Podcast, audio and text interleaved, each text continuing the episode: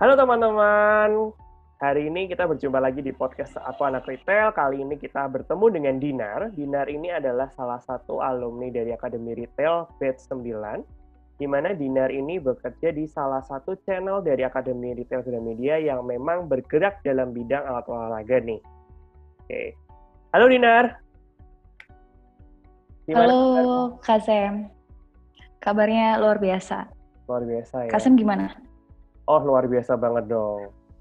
Gitu. Harus okay. selalu sehat juga. Dinar sehat kan Dinar?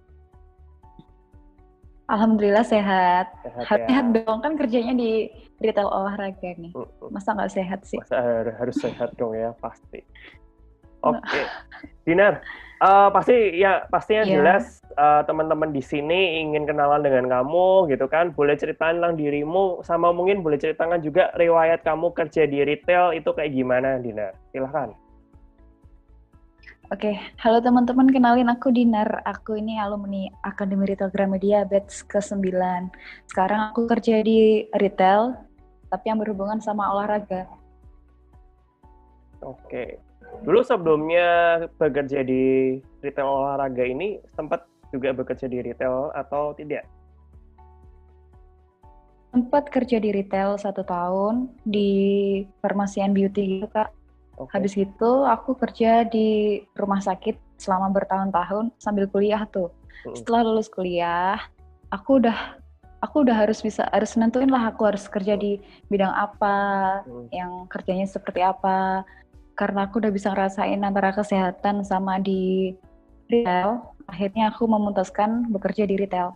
Tapi beberapa bulan aku ngelamar di tempat retail, aku belum ada panggilan juga. Sampai pada akhirnya aku scrolling Instagramnya Akademi Retail Gramedia, lalu barulah aku join ke ARG. Oke. Okay. Tuh, sampai pada akhirnya aku belajar di Akademi Retail Gramedia dan akhirnya aku bisa sampai di posisi yang sekarang ini. Oh, kalau boleh tahu posisi sekarangnya apa nih? Saya kepo sekarang... juga soalnya. sekarang alhamdulillah jadi supervisor. Oke, okay, supervisor. Wah, congratulations, Dinar. Pencapaian luar iya, biasa. ini semua ya. atas atas pembelajaran dari ARG juga sih, Kak. Aku nice. berterima, berterima kasih banyak sama ARG. Oke. Kalau boleh tahu nih, kamu waktu di Akademi Retail sendiri memutuskan magangnya di mana? Langsung di retail alat olahraga ini atau di mana? Langsung di alat olahraga ini sih Kak, soalnya hmm. gimana ya, kita itu kan belajar di ARG itu ya yang kita pelajarin ya tentang Gramedia. Nggak jauh-jauh lah ya, karena kan hal-hal yang nggak jauh-jauh dari itu. Hmm. Selagi aku masih magang, ya bebas lah aku kan di kelas sudah belajar soal met tuh. Hmm. Jadi kalau magang aku ambilnya di retail yang lainnya aja. Eh nggak taunya langsung sign kontrak. Mantap, Keren banget kan air gitu. Oh. Oke. Okay. Terus pertanyaanku nih, kan waktu itu kamu masuk ke retail farmasi beauty ya, farmasi beauty, terus kemudian yeah. masuk pernah juga di rumah sakit, terus ketika kamu masuk ARG itu kan ya namanya nggak jauh-jauh dari Akademi Retail Gramedia yang kamu akan banyak dikenal banyak hitungannya mengenal produk-produk Gramedia lah. Terus kemudian pindah magangnya ambilnya ke retail olahraga ini penguasaan kamu untuk produk knowledge sendiri saat itu gimana? Adaptasimu deh aku nanya. Karena kan beda nih. A, kamu dari A ke B, ke C, ke D, ke E gitulah ibaratnya seperti itu. Kalau belajar produk sih sebenarnya sama aja sih. Kalau misalkan kita belajar di uh, maaf, maksudnya kalau kita masuk ke Gramedia sama aja. Sebelumnya kan juga harus belajar produk tuh. Sebenarnya tuh kita mau belajar uh, retail A, B, C, D, E itu semuanya tuh emang beda-beda produknya. Cuman antara yang yang membedakan itu antara kemauan kita untuk belajar atau enggak sih. Oke. Terus uh, aku mau nanya ke kamu. Kan kamu kan sekarang masuk ke retail olahraga nih, ya kan? Mm -hmm. uh, sebelumnya waktu kamu magang ditempatkan di mana? Ditempatkannya di flagship di daerah Tangerang Selatan di Serpong itu. Kenapa hmm. sih ditaruh di flagship? Soalnya kan uh, namanya magang pasti belajar soal banyak hal ya, banyak produk, banyak case. Jadi ditaruhnya di flagship store-nya. Oke. Gitu. Terus setelah kamu magang, sign kontrak juga, berapa lama di Tangerang? Kemudian sekarang ini di taksi Tasik berapa lama? Di Tangerang dari bulan Maret. Aku kelar magang bulan apa ya kak? Jadi Januari, Februari, April. Magang itu April, Maret, April tuh di Tangerang. Hmm. Terus Juni, Mei, Juni, Juli. Iya, Mei, Juni, Juli itu aku di Serpong. Hmm. Agustus September aku di Tasikmalaya dan bulan depan aku dipindah lagi ke Balikpapan. Enaknya kerja di retail itu kayak gitu kak, apalagi kalau banyak cabangnya gitu. Jadi kita bisa dipindah-pindah sekalian vakansi itu kan ya. Kapan oh. lagi coba liburan tapi dibayarin perusahaan? Senang banget ya pasti kamu ya. Itu ya istilahnya iya vacation. Iya Sekarang work vacation gitu kan. Ntar jalan-jalan dong nanti ya kalau pas libur iya gitu dong. kan refreshing di kota-kota baru. Wow, menyenangkan. Kasen gimana di Gramet kayak gitu juga nggak? Gramet juga sama. Biasanya kalau di hmm. tempatku hmm. itu rata-rata sih eh, store manajernya ya, store manager. Kalau di tempatku namanya store manager. Yang mereka biasanya kalau nggak dua tahun atau nggak tiga tahun sekali mereka di rolling dan rollingnya tuh bisa ke mana-mana. Gitu. Oh sama aja ya kak. Uh -uh. Oke. Okay. Makanya kadang-kadang aku pengen banget nih sekali-sekali apa enggak dapat tugas gitu kan. Saya ada rekrut uh, di Jayapura, wah itu menyenangkan banget. Pengalaman sih kayak gitu-gitu tuh aku paling jauh itu ke Aceh, rekrut orang. Wow, pernah ke Aceh? Aceh, iya. Dan oh, untungnya itu sempat ya, main ke aku lupa sih daerah ya apa? Wah, itu ada landmarknya tulisannya 0 km gitu loh. Foto doang habis itu pulang. Oh. pulang Berarti kayak landmarknya tsunami gitu ya? Jadi waktu itu sempat dikenalin juga daerah-daerah yang kena tsunami itu mana aja, sama dari pokoknya dari apa yang kontraktornya gedung. Jadi waktu itu sempat diajak jalan sama pihak kontraktornya gedung dan jalan ke sana. Tapi seru banget sih waktu ke Aceh sih. Bersyukur sih aku bisa ke sana. Gitu. Bersyukur oh. banget ya jalan retail. Mm -mm enaknya retail tuh gitu kalau pas ada toko-toko baru apalagi toko-toko yang di luar Jawa wah itu tuh udah kayak mm-hmm. alhamdulillah bisa liburan banget ya ya bekerja sambil vacation tuh wah enak banget oke lanjut ke berikutnya kalau ngomongin terkait mm. dengan uh, layanan pelanggan layanan pelanggan sendiri nih mm. kan kamu merasakan ya dari retail A B C D E pasti kan berbeda-beda layanan pelanggan gitu kan. Mungkin kamu punya waktu pengalaman saat itu melayani customer sendiri, entah di retail waktu kamu yang apa farmasi beauty pharmacy apa beauty pharmacy itu atau kemudian yang di apa namanya retail olahraga ini. Boleh dong ceritain dong Din terkait layanan pelanggan yang di sana. Hmm, jadi kalau layanan pelanggan itu hampir rata-rata itu sama ya customer mintanya diperhatiin, dihandle hmm. karena customer tuh nggak pernah merasa pas nggak akan pernah tuh kak yang namanya merasa puas biarpun kita udah berusaha semaksimal mungkin ngelayanin mereka iya sih ada yang merasa puas cuman ya tetap aja maunya kalau ke situ lagi mintanya dihandle sama sama mbak yang ini biarpun oh, okay. kalau nggak ada carinya saya lagi gitu pernah You're itu rela menunggu ya hmm, ya demi mendapatkan Iya. Pelayanan terbaik. Tapi kadang hmm. kadang tuh kan saking nyamannya sama kita karena mereka suka sama pelayanan kita ya kadang tuh kamu baik sekali gitu atau kadang juga malah diajak curhat banyak banget oh. sampai ada tuh kali satu jam lebih malah hmm. gitu sih terus habis gitu minta kontak gitu sering banget kak aku tuh tukeran kontak sama customer tuh apalagi di retail yang sekarang ini retail yang sekarang kan hubungannya sama olahraga. Hmm. Dan kalau olahraga gitu pasti mm, nggak mm, cuman belinya satu kali, dua kali gitu kan ya kak. Hmm. Pasti nanti berulang-ulang. Mau upgrade yang inilah, itulah. Pasti nanti tanya-tanya. Terus pernah juga nih, karena mereka mungkin mereka suka sama servisku ya. Hmm. Pernah ditawarin, mau mau nggak kerja di perusahaan ini gitu hmm. itu pernah juga sih terus yang paling sering itu dapat tips gitu oke okay. mungkin okay. itu bentuk dari eh, salah satu bentuk dari uh, apa sih namanya ucapan terima kasih mereka ke kita juga sih hmm. atas pelayanan yang udah kita kasih ini kayaknya kamu udah dapat pelanggan tetap tuh kalau pelanggan tetap ya lumayan sih kak. Aku udah udah berapa bulan ya di sini tuh? Belum ada belum lama sih ya. Apalagi hmm. di Serpong belum lama sekitar bulan. Di Tasikmalaya dua hmm. bulan. Itu udah punya uh, bukan bukan pelanggan tetap sih kak. Namanya iya apaan pelanggan tetap? Customer loyal ya. Oh iya customer loyal. Customer loyal namanya.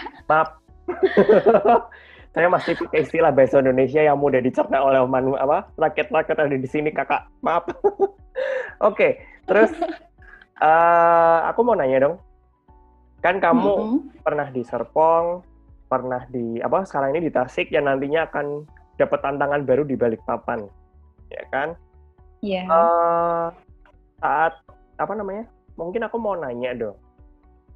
Penjualan waktu kamu di Serpong sama Tasik tantangannya seperti apa? Karena ini kan pasti dua kota yang berbeda. Satu kota besar yang kita sudah tahu rakyatnya hmm. itu orang ya. Orang Jakarta pun juga main ke sana gitu kan, nyari gitu kan. Kalau Tasik eh, kita tahu kotanya kecil gitu kan. Nah, tantangannya seperti apa Dinar? Tantangannya sih kalau tipe customernya kalau di Serpong itu hmm. ya Serpong apalagi kawasan BSD ya kak ya hmm. mereka itu lebih mengarah ke gengsi hmm. kalau untuk di Tasik uh, sesuai keperluan aja sih dan menyesuaikan budgetnya jadi kalau di Serpong tuh jualan tuh bisa sambil tutup mata gitu kak okay. tapi nggak ya nggak asal ya nggak asal tutup mata lah pasti ada yang namanya hmm, upselling tuh pasti ada. Jadi mm -hmm. biarpun dia udah eh mau saya mau dong uh, produk A yang harganya sekian. Mm -hmm. Tapi kalau kita bisa jelasin lebih lebih kasih penjelasan lebih gitu ke customernya, mm -hmm. eh Pak Por, uh, Pak Om ini loh produk ini lebih bagus dari ini. Biarpun harganya segini, tapi speknya lebih kayak gini gini gini gini gini.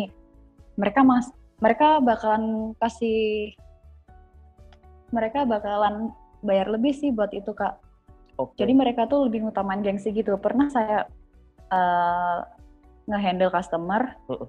saya tanya, ini untuk keperluan apa kalau boleh tahu? Barang ini, barang ini tuh harusnya tuh dipakai buat di off road gitu kak. Oke. Okay. Tapi, tapi si customer ini pakainya cuman di on road gitu. Jadi kan nggak sesuai. Tapi uh. karena harganya fantastis dan beliau mampu untuk membayarnya, beliau tetap ambil barang itu. Padahal udah dijelasin sih, yang ini hmm. tuh nggak cocok sama ini. Hmm. Lalu mereka ber beralasan, tapi saya suka yang ini sih. Gitu. Itu kalau di BSD di Serpong. Hmm. Sedangkan kalau di Tasikmalaya, kita ya nggak asal tutup mata gitu sih kak. Oke okay lah, mereka emang datang ke, to ke toko kita tuh buat cari barang. Cuman kita harus jelasin satu persatu. Dan nggak mungkin juga sih uh, kita ngelayanin udah sih udah dilayanin dia mau barang A kita uh. langsung kasih barang A gitu kan nggak mungkin juga. Uh. harus dijelasin lagi pelan-pelan gitu sampai mereka ngerti. Akhirnya kadang ada yang mau uh, spek yang di atasnya kadang juga tetap yang itu. Tapi kalau upselling kayak penambahan uh, produk uh, jenis A ini uh cocok kalau dikasih ini gitu okay. tuh mereka tuh masih masih kadang mau kadang nggak juga jadi susahnya di di situ sih kak masih antara budget ya sama ya? iya mikir kemampuan juga sih kak oh. tapi sejauh ini ya ya itu karena mungkin pelayananku juga lumayan baik hmm. jadi ya bisa-bisa aja lah nyampe target Oke, syukurlah ya oke okay. hmm. terus uh, kemudian pertanyaanku nih, era sekarang ini yang kita tahu pandemi ini kan kekuatannya kayak Infinity, Infinity Stone-nya Thanos ya, yang kita dipaksa hmm. untuk digital transformasi.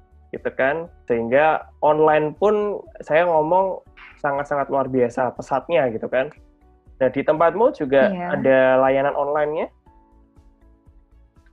ada dong apalagi waktu pandemi ini mulai diaktifin WhatsApp uh, okay. store itu mulai diaktifin jadi sebelum sebelumnya tuh paling ya lewat telepon gitu aja sih kak hmm. sama penjualan lewat online itu lewat website cuman setelah pandemi ini sekitar bulan Maret April uh-huh. itu udah ada WhatsApp toko, WhatsApp official toko. Jadi uh-huh. tiap toko itu dikasih handphone, dikasih nomor buat WhatsApp uh, biar customer tuh gampang gitu loh kak transaksinya lewat WhatsApp. Kalau telepon kan mahal di pulsa juga ya kak ya.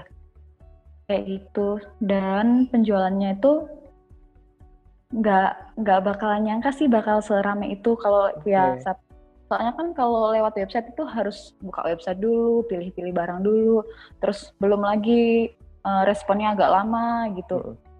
kalau lewat WhatsApp kan notifnya tuh cepat terus uh, komunikasinya kan juga santai ya nggak seserius lewat website atau lewat telepon gitu kan sih. Okay. Kalau WhatsApp itu bisa dibalas kapan aja, bisa chat kapan aja, dan pasti direspon biarpun nggak secepat panggilan telepon soalnya kan pasti dibalasnya dari bawah ya kak uh -uh. terus di samping WhatsApp toko kadang penjualan lewat uh, marketplace lewat sosial media kayak gitu kak apalagi ya setelah pandemi kayak gini kan masyarakat kan males keluar tuh udah males keluar males keluar terus transaksinya juga harus cashless juga Terus jadi tapi mereka tetap pengen olahraga. Jadi mau nggak okay. mau mereka tetap harus beli barang. Nah, salah satunya lewat itu tadi bisa lewat Instagram, bisa lewat Facebook. Kan mes, uh, Messenger di Facebook itu juga bisa sih. Terus DM Instagram juga masih bisa dilayani lewat, lewat situ. Kalau mereka kurang nyaman pakai DM atau Messenger itu bisa lanjut ke WhatsApp. Hmm. Terus pembayarannya lewat online baru deh kita kirim barangnya ke alamat customer. Kadang ada yang mau ambil langsung ke toko juga, okay. cuman kan mereka harus keluar juga. Hmm. Ada lebih banyak kan yang dikirim gitu sih kak. Hmm. Kalau aku mau kirim aku nanya dong. Seberapa? Aku nanya dong. -hmm. Perbandingannya yang kamu amati ya, perbandingannya uh, lewat lewat online sama offline ini berapa? yang online misal apa? Perbandingannya. perbandingannya. Kalau perbandingan dari hmm, fakturnya sih nggak lebih banyakkan offline ya kayak, ya. oh, cuman value-nya ya? lebih banyakkan online. Oh, oke. Okay. Tapi kalau value-nya banyakkan online, kadang tuh kalau kalau online itu bisa kirim sampai ke luar kota, luar pulau hmm. gitu kak. Paling jauh. Jadi kalau di uh, uh, aku nanya dulu, sorry, aku potong ya. Tadi ngomong yeah. luar kota. Uh, entah dari Tasik hmm. atau dari Serpong lah waktu kamu melayani pelanggan menjual tadi ya produk segala macam. Paling jauh itu ada yang minta dari mana? Atau masih dari di dari Maluku pernah kak. Wow. Itu waktu di Serpong itu paling jauh tuh Maluku. Hmm. Dia beli alat kesehatan itu, jadi alat kesehatan indoor dipasangkan di uh, jenis alatnya itu jadi olahraganya tuh virtual. Oke. Okay. Mereka sempat sempat keberatan juga sih sama ongkos kirimnya. Akhirnya mereka pilih ekspedisi yang paling murah dan dan mereka harus nunggu, rela nunggu tuh sekitar satu atau dua bulan gitu demi alatnya itu nyampe. Dari aku tuh waktu huh? waktu ngeliat, ah ini pengiriman ke Maluku jauh banget. iya, dan kamu tahu nggak ini tuh ini lama banget tahu lewat jalur darat. Ya ampun, satu okay. sampai dua bulan hanya demi satu alat. Tapi itu nyampe waktu itu kamu masih di Serpong. Iya, masih di Serpong. Masih di Serpong ya, untungnya ya. uh Kalau yang di Tasik ini, adakah juga yang pengiriman jauh? Tasik, Pengiriman paling jauh kadang ke Sumatera, tapi Sumatera okay. area Lampung sih. Hmm. Terus kirim ke Kalimantan juga pernah. Tahu nggak kak? Itu yang ke Kalimantan hmm. itu, yang dari Lampung beli alat yang besar ya. Uh-uh. Sedangkan kalau yang di kalau yang di Kalimantan itu cuman ya ampun nggak nggak sebanding banget gitu loh sama ongkos kirimnya. Jadi ibaratnya tuh uh, harganya tuh 150, ongkos kirimnya 50 ribu. Oh, Oke. Okay. Padahal di di cabang terdekat tuh ada barang tersebut tuh ada. Tapi, Tapi lebih milih di tempatmu. Lebih milih Iya, tempatmu, mungkin ya? mungkin itu karena servis kita sih uh, pertama fast respon, kedua ramah itu. Hmm. Iya sih, karena aku kalau ngomong memang kita kudu apa? Uh, customer itu juga memilih ketika fast respon, pelayanannya enak, dia akan nempel di satu itu sih. Itu. Biarpun kan. itu jauh ya kak. Mm -mm. Karena aku pun juga pernah kejadian soalnya. Wah itu oh, pernah. Iya? Uh, pernah juga wah itu sempat WA salah satu store gitu kan salah satu store home living gitu kan uh, mm-hmm. padahal di tempatku sini aja ada uh, hitungannya ada empat uh, store home living yang deketan cuma aku menguji mm-hmm. mana yang paling cepat bales ternyata ada satu uh, uh. jadi di antara empat ini ya di antara empat ini ini gue ceritain deh mm-hmm. store yang pertama dia itu bales itu setelah tiga jam aku WA gila ya tiga jam aku WA terus dibales loh. Dibalasnya tuh maksudnya baru nyampe. Terus? Iya kakak apa yang dibutuhkan? Gitu doang kak. Iya. padahal kan gue udah gue tuh WA tuh udah panjang kak. Jadi uh, eh aku kalau aku ngomong selalu ngomongnya gini.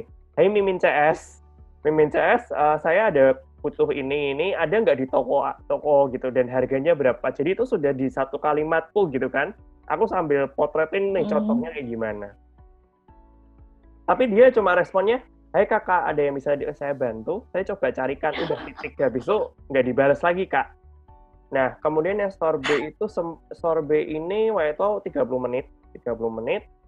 Uh, dia juga responnya uh, hampir-hampir mirip. Aku nggak tahu itu apakah template atau gimana. Terus kemudian store yang C hmm. itu balesnya uh, 30 menitan.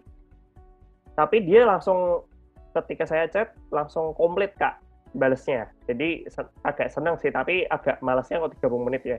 Nah yang satunya ini, dia cepat banget 5 menit kak. Jadi gue nggak tahu apakah mungkin nggak ada orderan sehingga 5 menit langsung bales ya. Dan itu langsung fast respon dan, mm -hmm. dan ini langsung cariin barangnya, barangnya ada. Jadi nah, saya memutuskan belinya di store yang gede ini. Kayak gitu, Din. Jadi ketika fast respon, uh, apa namanya, layanannya cepat, enak, ramah dan maksudnya menjawab semuanya, ya pasti customer akan lebih milih yang itu. Gitu sih. Kalau itu menurut juga ya. sih customerku penilaiannya. Menurutku juga gitu juga sih kak. Cuman kalau di tempatku nggak ada sih. Uh, kalau bisa emang dibahas cepat. Tapi kalau hmm. kalau nggak bisa dibalas kapan aja juga nggak apa-apa katanya sih itu soalnya sejauh ini belum ada SOP-nya mengenai okay. layanan online kayak gitu Okay. Tapi kalau di storeku selalu aku utamain uh, buat balas-balas. Kadang kadang aku kadang nih handphone toko tuh aku bawa ke kos loh kak biarpun udah malam udah tengah malam tuh aku masih hmm. rela balas-balasin gitu kelihatan hmm. banget ya jomblonya ya ampun malah curhat uh, teman-teman mungkin bagi yang open gitu kan boleh silakan nanti hubungin Mbak Dinar aku akan kasih nomor ya di konten ya nanti ya di apa namanya deskripsi Aduh. gitu kan kali-kali ada yang berminat ya ya ampun lucu banget oke okay. terus aku mau nanya selama kamu kerja mm-hmm. di retail apa alat olahraga ini ya uh, apa namanya kamu total sudah kerja berapa lama din berapa bulan 6 di bulan? mana di toko olahraga ini ya? Uh, 6 bulan sudah ada kah? Uh, Oktober itu 6 bulan. Berarti bulan sampai September ini lima bulan sih. Oke. Nah, aku mau nanya sekarang. Uh, pernah nggak ada komplain dari customer yang menurutmu rada-rada nih? Rada-radanya itu udah kayak, aduh udah bikin kesel tapi harus dilayani gitu loh. Sering banget sih kak, apalagi kan akhir-akhir ini Iya, toko olahraga pasti ramai banget ya. Mm-hmm. Ada aja yang namanya komplain tuh. Ada ada customer yang uh, bahkan kan ada tuh kak customer yang komplainnya itu dibuat-buat ya ceritanya. Ceritanya okay. tuh dibuat-buat kayak gitu. Hmm. Jadi ya pertama sih kalau dari kalau dari ARG sih diajarinnya pertama didengerin, terus dikasih solusi. It, uh, pertama didengerin, terus minta maaf, hmm. terus ngasih solusi kayak gitu ya. Ya udah sih itu sejauh ini aku terapin dan sampai sekarang malah yang ada aku berteman sama si customerku ini. Hmm. Mungkin itu juga sih, itu juga karena aku jela bisa jelasin alasannya apa, bisa nenangin mereka, bisa handle mereka kayak apa, sampai akhirnya mereka bisa baik ke kita juga. Oke. Karena kadang-kadang kalau saya ngomong, saya pernah dengar istilah lah. Uh, customer yang kadang-kadang bikin komplain apa-apapun lah apa pun komplainnya kadang-kadang mereka itu sebenarnya adalah uh, teman baik teman sejati gitu loh jadi sehingga jadi pelanggan tetap juga bisa jadi seperti itu sih kak bisa komplain itu kan sebenarnya buat masuk perusahaan hmm. juga ya kak ya membangun banget jadi kalau nggak ada komplain tuh nggak bisa berkembang juga perusahaannya kita hmm. Jadi aku tuh kadang berterima kasih mereka sudah mau komplain tapi ya yang pun banget sih kenapa caranya kayak gini. pusing tau kak. Tapi kadang kamu pusing sih, kadang juga tahu, santai. Kenapa? Hmm, kok kamu bisa tahu uh, kalau itu adalah komplain yang dibuat-buat? Karena aku ngerti apa yang mereka omongkan itu nggak hmm. sesuai sama kayak di tokoku itu sih kak. Jadi hmm. aku paham kalau itu dibuat-buat jadi setelah aku handle ya kita pura-pura tetap pura-pura ngotot tetap pura-pura marah aku sambil senyum gitu aja terus ujung-ujungnya ujungnya gini ya maaf ya mbak kalau saya komplain kayak gini soalnya saya udah nunggu lama kayak gini gini gini gini okay. ya cuman aku senyumin iya mohon maaf jadi ini jadi kak, ini kan pakai masker gini, kak gimana cara senyum kak kalau mata kan nggak bisa bohong kak oh iya iya iya iya iya iya iya iya, iya. iya. Lupa saya kadang-kadang kan. Ujung. Mata pun bisa senyum ya. okay. Kadang marah itu kan juga bisa dilihat dari mata. Ya, ya, ya. ya. Uh, setelah saya. kita jelasin, mereka setelah kita jelasin, akhirnya mereka yang minta maaf juga. Ya udah sih, saya juga minta maaf udah marah-marah gini. Kadang juga ada yang kayak gitu sih kak. Oke. Okay. Terus uh, aku mau nanya, ketika kamu melayani apa uh, penjualan ya via online kan, tadi kamu ceritakan juga value apa value-nya banyak segala macam. Uh, tempatmu ada apa aja yang di online? Facebook ada? Facebook ada, Instagram ada, hmm. website ada, terus TikTok? Apa by phone nggak usah ya? tapi TikTok itu dipostingnya ujung-ujungnya di Instagram lagi kak. Oke. Okay. Gitu. Jadi cuman sekedar al uh, alat alat bikin kontennya aja sih. Oke. Okay. Sebenarnya tuh pengen kak bikin akun TikToknya. Sebenarnya soalnya kan kalau TikTok gitu nggak cuman gambar aja, nggak cuman foto, bisa pakai musik, bisa pakai edit videonya juga keren-keren gitu kan. Jadi customer tuh melihatnya tuh nggak apaan sih basic? Kalau di postingan Instagram atau Facebook kan gitu. Apaan sih basic? Ah bosen di skip di skip di skip. Kalau TikTok dengerin dulu musiknya nungguin ya gitu kan juga. Gitu. Terus tiba-tiba kamu ngomong gini nggak mau ngeliat Binar cek gitu kan. Alat alatnya cek. Iya ada promo menarik nih. Iya kayak gitu oke okay. ya gitu sih kak membantu banyak yang nge DM via Instagram atau banyakkan yang langsung WA ke tokomu? Mereka tuh kadang nge-DM kalau kita bikin story. Kalau nggak bikin hmm. story, jarang banget sih, Kak. Oke. Okay. Kadang juga langsung ke langsung ke WhatsApp kok. Hmm. Jadi kalau kita nggak bikin story, mereka nggak bakal nge-DM.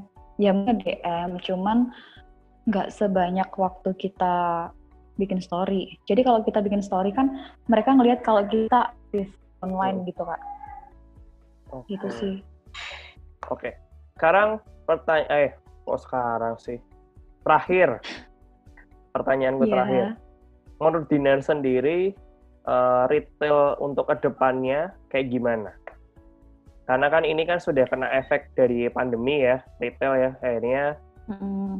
online offline onlinenya sangat-sangat naik banget nih offline menurutku apa menurutku bisa jadi hanya untuk showroom doang nih jangan-jangan nantinya. Nah kalau menurut Dinar sendiri kayak gimana?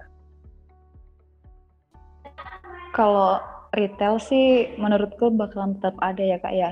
Soalnya kan retail itu pada dasarnya artinya ecer. Jadi retail itu akan tetap ada biar mungkin yang berbeda cuman uh, sistemnya sistemnya aja sih.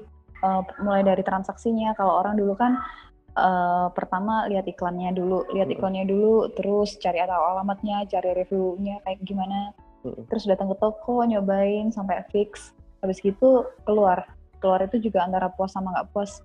Sedangkan kalau sekarang di lebih dikembangkan sayap sayapnya lagi lewat online jadi customer bisa lihat-lihat lihat terus ada size chartnya juga kan sekarang hmm. jadi dipermudah bisa bisa beli lewat toko maaf bisa beli lewat online tapi ada juga bisa lihat-lihat online cuman kalau fitting kan kadang juga harus datang ke toko kak hmm pasti oh, iya. Mhm. pasti mereka bakalan datang ke toko. Iya sih, tetap ya mereka ada. butuh juga iya. offline-nya ya kak. Iya, soalnya kan servis secara virtual sama servis secara langsung fisikal gitu pasti beda. Pasti lebih puas datang langsung, lebih lebih puas waktu datang ke toko. Oke, oke. Kalau gitu Uh, kamu kira-kira ada mau tambahin nggak? Ada yang mau tambahin untuk cerita atau gimana, Dit? Aku sudah tidak ada pertanyaan lagi. Aku sih kalau tambahin cerita nggak ada ya kak ya. Cuman aku mau kasih masukan aja buat teman-teman hmm. yang mungkin bingung mau kerja apa, mau kerja di mana. Kalau mau bingung, pengen tahu dunia retail itu seperti apa, bisa belajar di Akademi Retail Gramedia. Akademi Rita Gramedia sendiri nggak harus offline kok. Sekarang hmm. sekarang juga pembelajarannya bisa lewat online. Itu bisa diakses dari mana aja. Ya udah ujung-ujungnya aku cerita nih Kak. Aku hmm. dulu tuh aslinya dari dari Tulungagung dari Jawa Timur sana jauh banget ya kalau hmm. dari Jakarta tuh harus naik kereta sekitar 10 hmm. jam. Hmm. Aku dulu aku dulu tuh join di Akademi Rita Gramedia tuh jauh-jauh gitu ke Jakarta, ke Kampung Melayu tuh aku bela-belain tuh kak. Sampai akhirnya aku belajar semua apa yang aku pelajari. Aku mikirnya gini, aku tuh anak rantau. Sia-sia dong kalau aku belajar sejauh ini tapi nggak direkrut. Hmm. Ya udah sih akhirnya akhirnya aku akhirnya aku belajar sungguh-sungguh, prakteknya juga sungguh-sungguh akhirnya ya bisa direkrut sampai di posisi sekarang ini. Hmm. Itu kan dulu harus jauh-jauh sekarang nggak perlu jauh-jauh bisa lewat online kok. Eh waktu itu aku kepo dong. Kamu itu diwawancara sama siapa waktu kamu join ARG sama Mbak Tunti dong. Sama Mbak Tunti. Mbak Tunti Desiani iya. Padahal tuh ya dulu tuh sama Mbak Tunti tuh iya sama Kak Tunti tuh aku sempet dikiniin tapi kami nggak tapi kami nggak janjiin nggak bisa janjiin kasih pekerjaan sih. Uh -uh. oh ya tapi kami hanya memfasilitasi aja. Uh -uh. aku pertama dengar tuh loh oke okay, baik. Uh -uh. Tapi akhirnya nyatanya ya kayak gini. Aku cuma dikasih ilmu aja sih kak. Bukan ilmu sih. Bukan aja juga sih ilmu itu mahal banget. Dan sebenarnya kalau air gitu harga segitu tuh worth it banget tau kak. Bukan worth it lagi sih nguntungin banget. Soalnya banyak banget benefitnya. Dan ujung-ujungnya kayak gini dapat kerja di posisi yang kayak gini.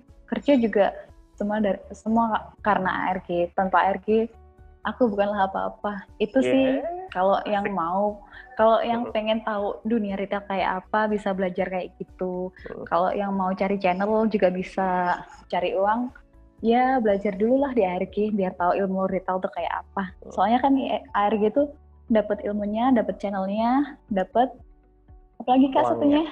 Uangnya, gajinya kalau ngomongnya. Woi, oke. Woi, udah promosi loh kayak gini loh kak. Thank you banget loh udah dipromosiin loh. Padahal itu harusnya tugas gue. Oke. Okay. Gak apa-apa kak, aku tuh kerja sejauh ini juga di endorse sama ARG kok. Oke, okay, di endorse sama ARG. Ya iya dong, pastinya. Karena tempatmu kan salah satu channelnya kami di Akademi Retail Gramedia. Gitu. Oke, okay, kalau gitu. Iya dong. Thank you banget ya, Din. Hmm. Sudah aku ganggu. Iya, sama-sama, Kak. Kasih waktunya Ganggu. juga untuk podcast, mengisi podcast ini di Aku Anak Retail. Semoga sih teman-teman yang ada di sini bisa menyerap dengan baik sharing yang kita bicarakan tadi ya, sharing dari Mbak Dinar sendiri. Oh itu Dinar, thank you banget ya, Dinar ya. ya. Iya, sama-sama Kak. Yo. Oke, kalau gitu terima kasih teman-teman uh, sudah mendengarkan podcast hari ini, gitu kan. Jangan lupa uh, tetap dengerin podcast-podcast uh, aku anak retail karena nanti pasti akan ada episode-episode berikutnya yang pasti menarik ya. Kalau gitu, saya Samuel, Nama salam aku anak retail. Bye-bye.